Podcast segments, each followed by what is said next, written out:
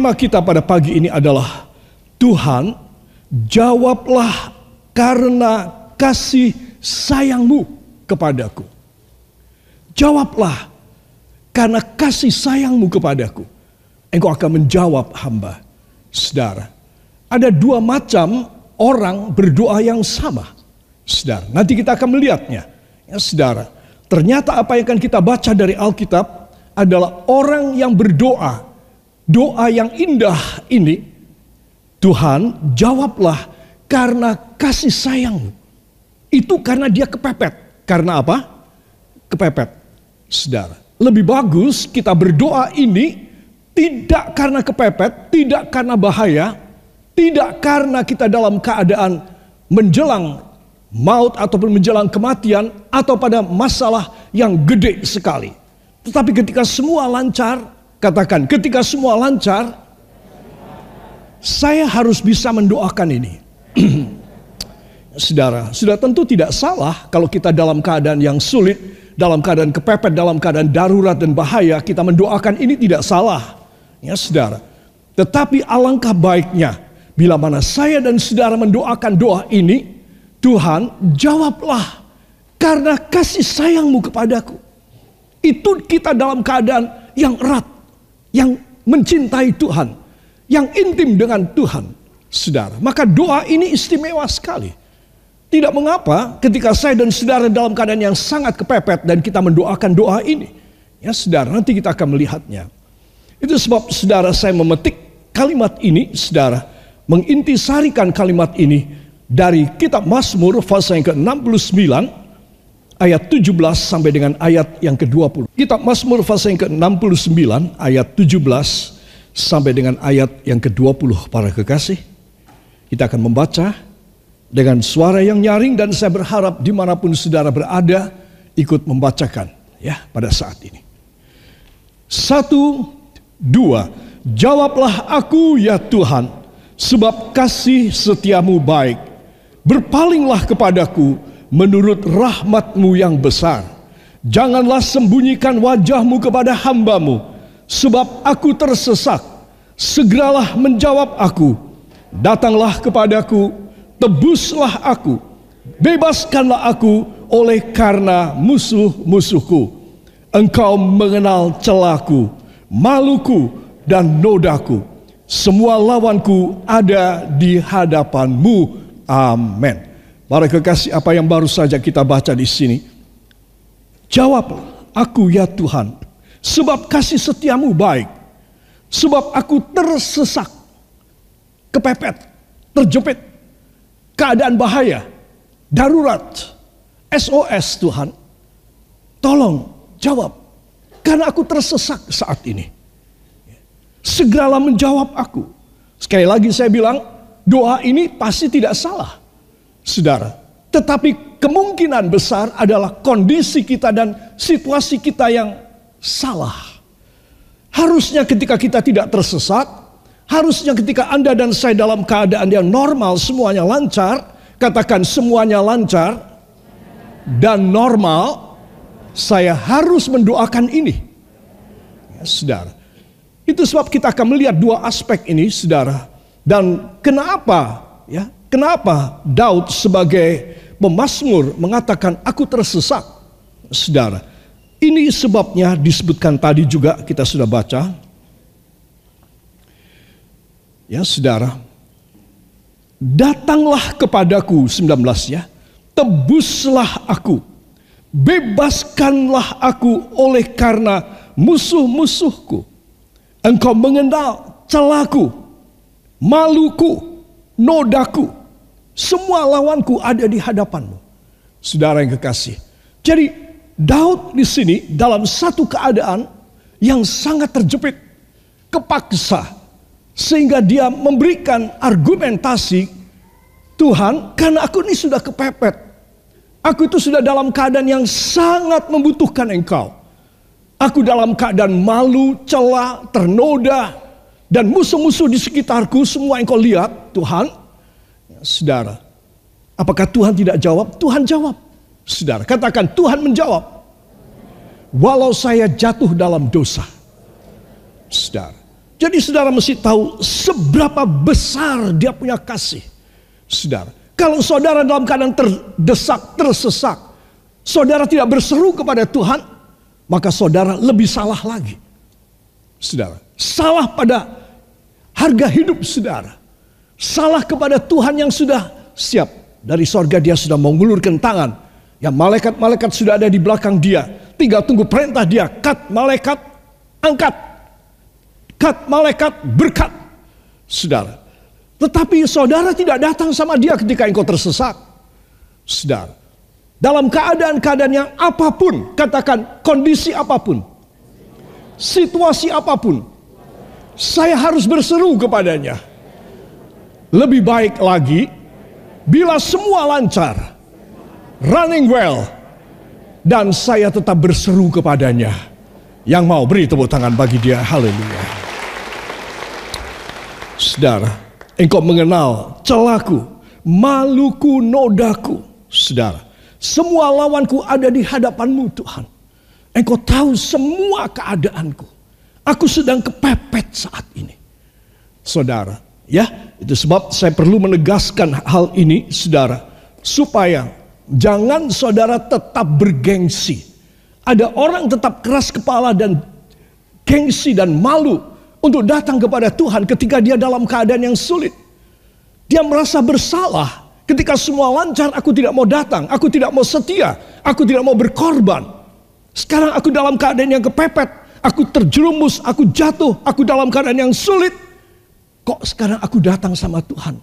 Aku rasanya sungkan dan malu dan tidak tahu diri. Itu lebih salah lagi. Sudah datang saja kepada Tuhan. Karena memang dia adalah diberi nama juru selamat. Amin. Dia adalah juru selamat. Terus dia punya tugas menyelamatkan. Juru rawat di rumah sakit, di poliklinik untuk merawat saudara. Demikian juga juru tulis di kantor-kantor untuk menulis segala notulen dan lain sebagainya pada rapat dan lain sebagainya. Saudara-saudara, juru selamat untuk apa saya mau tanya? menyelamatkan. Siapa yang harus diselamatkan? Orang yang dalam keadaan persis seperti kita baca ini. Dalam keadaan yang kepepet, dalam keadaan salah. Saudara. Jadi Tuhan ingin memberikan uluran tangan walau seseorang jatuh dalam kesalahan sekalipun. Jangan anggap Tuhan maha suci dan menerima orang-orang yang suci saja. Sudah pasti itu keinginan dia. Tetapi bila mana ada orang yang dalam keadaan yang tersesat, saudara, aku tersesat Tuhan, kata pemazmur. Aku berseru kepadamu. Dalam ayat yang lain dia mengatakan, tenggorokanku, kerongkonganku sampai kering, kehausan kan aku berseru dan berteriak kepadamu. Jadi dia dalam keadaan yang sangat-sangat membahayakan. Dan dia masih ingat ada juru selamat. Saudara. Kalau saya dan saudara dalam keadaan kepepet. Jangan sampai pada situasi kondisi tersebut. Iblis membisiki engkau. Dia bisa membisiki saudara. Untuk apa? Untuk saudara cari kesenangan. Lari saja, cari pelarian. Narkoba. Bunuh diri. Saudara. Iblis membisikin orang ketika orang dalam keadaan yang bahaya, kepepet, sangat membutuhkan. Dan dia tidak lari kepada Tuhan. Karena beberapa faktor, mungkin karena dia malu, sungkan dan lain sebagainya. Dia merasa tidak enak hati. Ketika aku semua lancar, aku baik-baik, aku jauh dari Tuhan. Bahkan aku memaki Tuhan barangkali.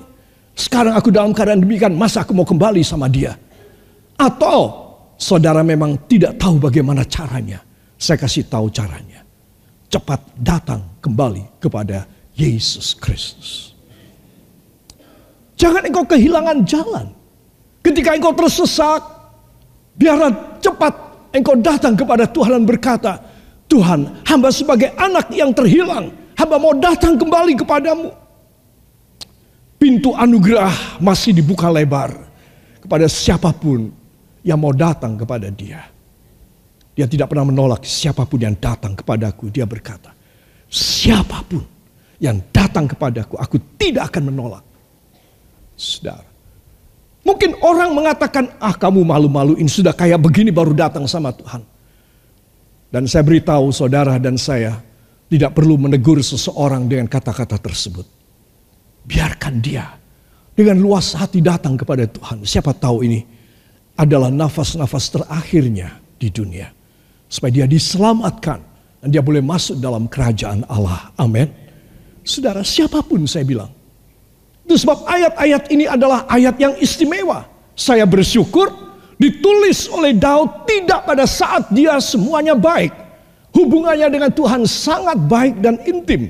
Dan dia menulis ini. Rasanya kalau semuanya baik dia tidak perlu menulis ini.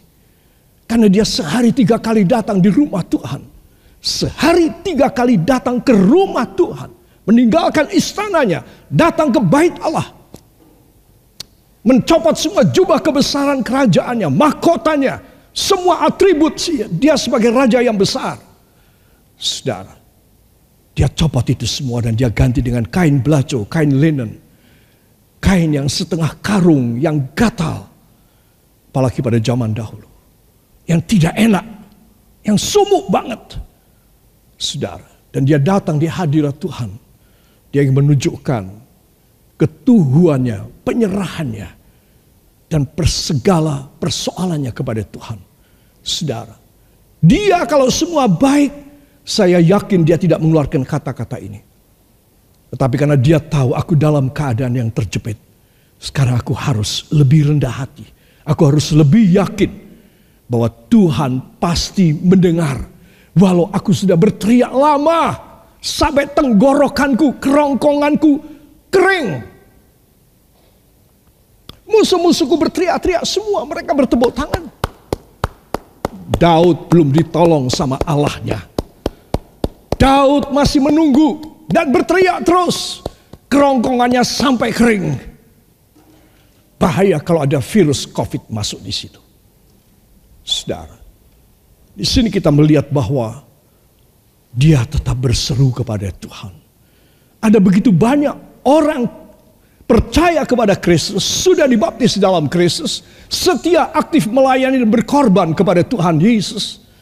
Saudara, karena sesuatu bisikan iblis, dia kemudian meninggalkan Tuhan Yesus.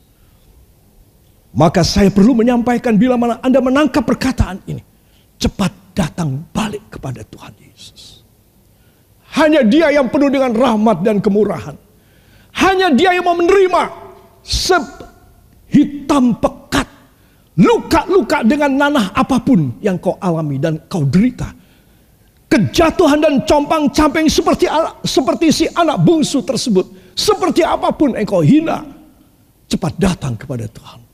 Belum terlambat selama nyawa masih ada di kandung badan.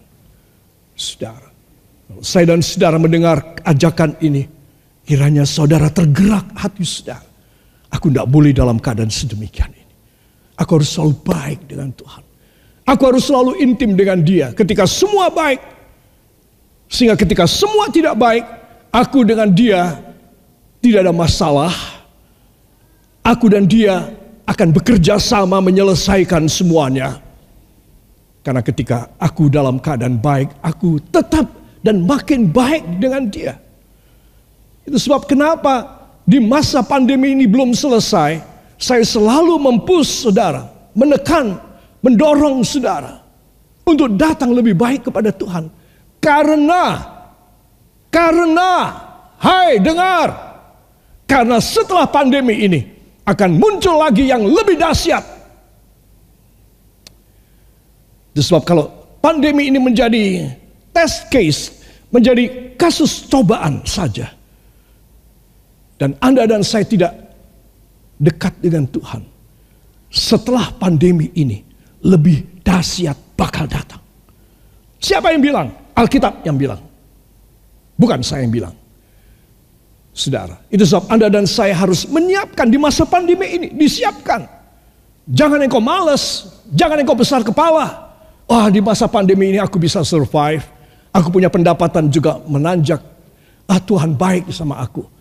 Selesai cuma sampai di situ. Engkau li kau, saya bilang. Engkau harus kalau di masa pandemi ini engkau menerima berkat dari Tuhan, pembukaan-pembukaan jalan, jangan bocengli.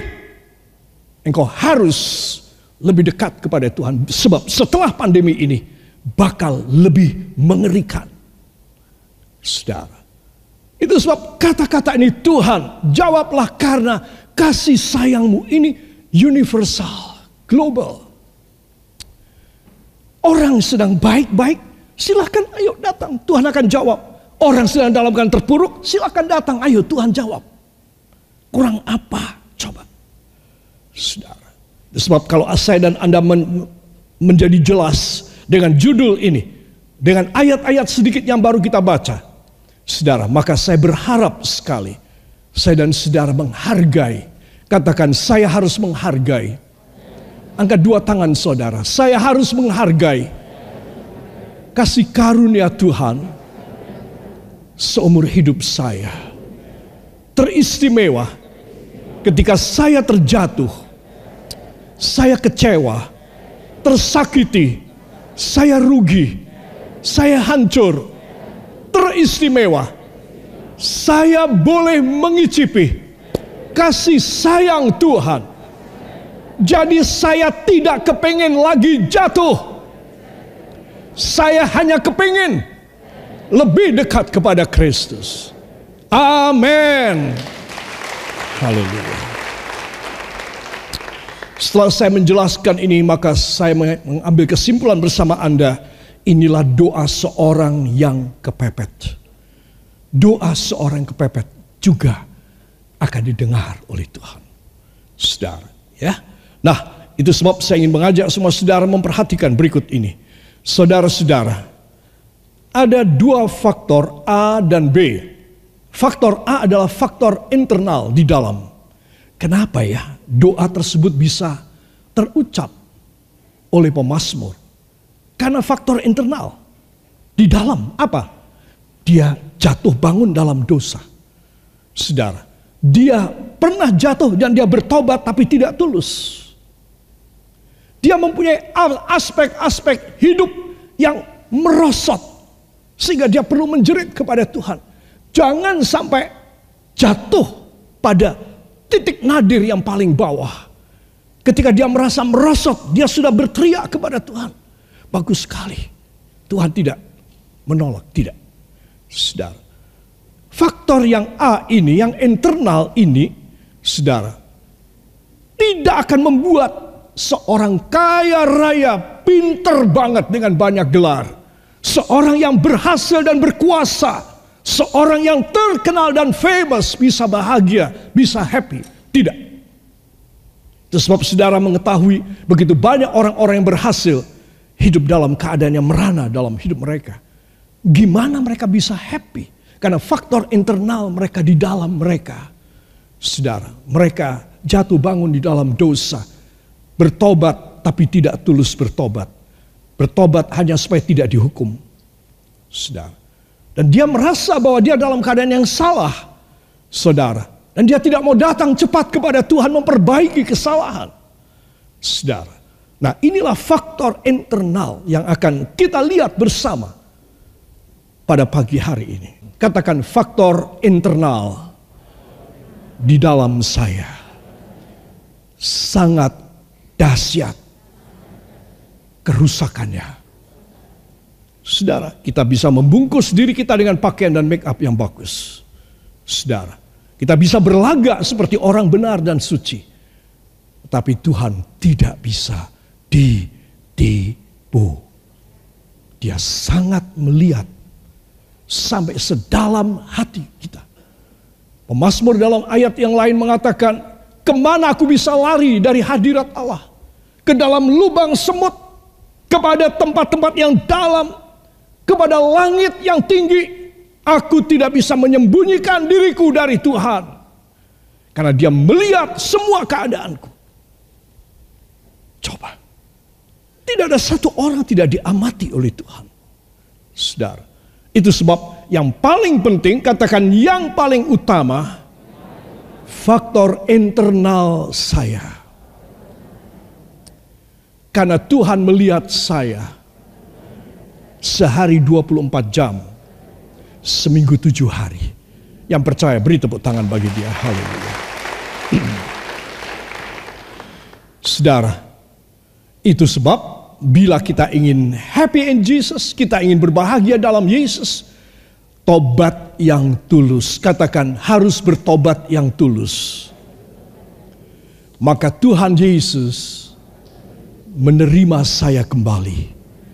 Memberikan kebahagiaan di dalam dia. Membaharui sejarah saya. Amin. Haleluya.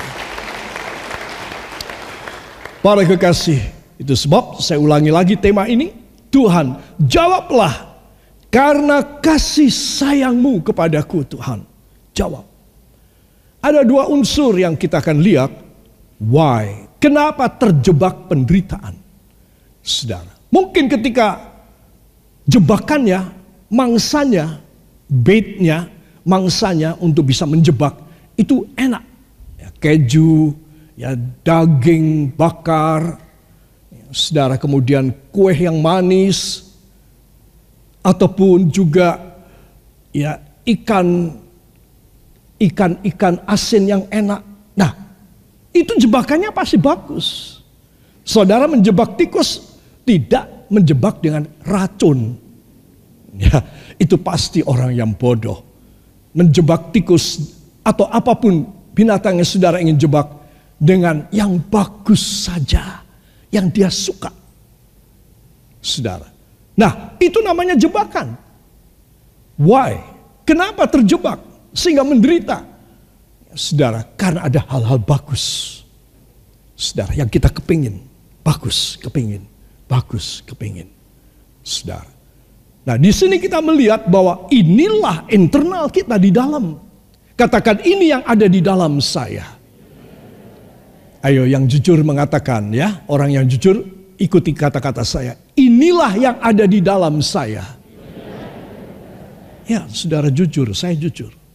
Saudara. Kedua, Lalu apa dan yang harus kita lakukan untuk mengantisipasi, ya saudara, untuk menanggulangi hal yang menjebak tersebut, ataupun sudah terjebak tersebut, saudara. Kalau seekor tikus terjebak pada jebakan yang saudara pasang, dia nggak selamat deh, wes sudah pasti mati.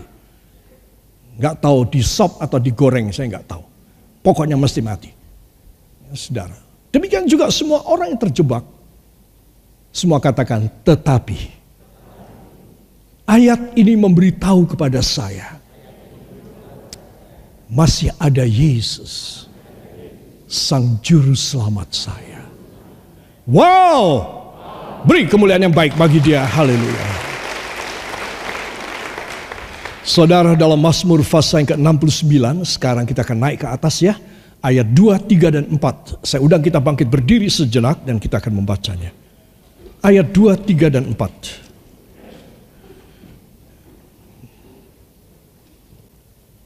Mazmur pasal yang ke-69 ayat 2 sampai dengan ayat yang keempat. Uh, baik dari ayat 1 mulai dari judul ya 1 sampai 4.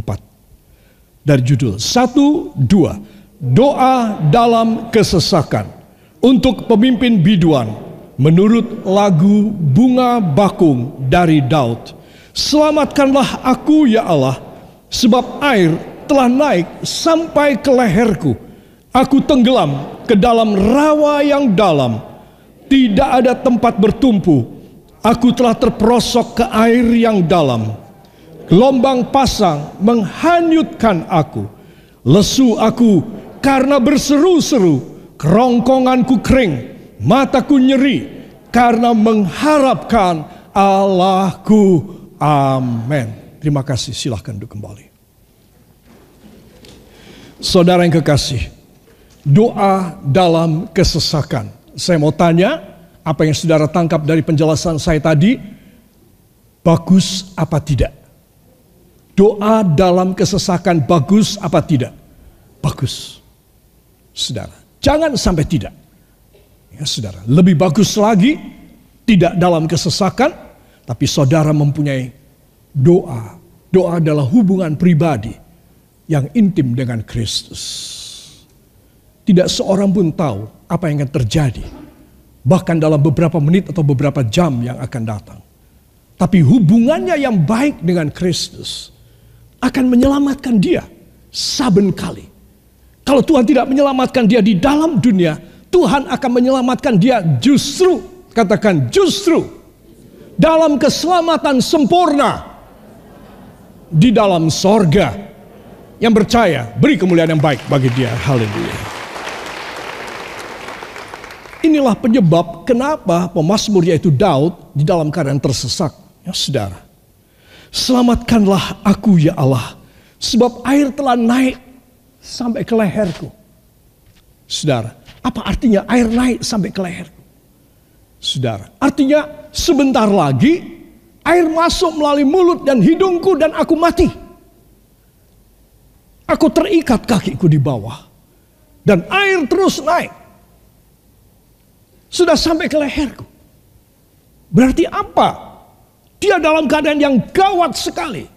Sudah bukan darurat lagi. Kalau darurat itu kata darurat itu sementara. Masih bisa ditolong. Siapa tahu ambulansnya jalan cepat. Siapa tahu dokter cepat datang. Siapa tahu dioperasi cepat. Saudara. Tetapi kalau keadaan sudah seperti ini.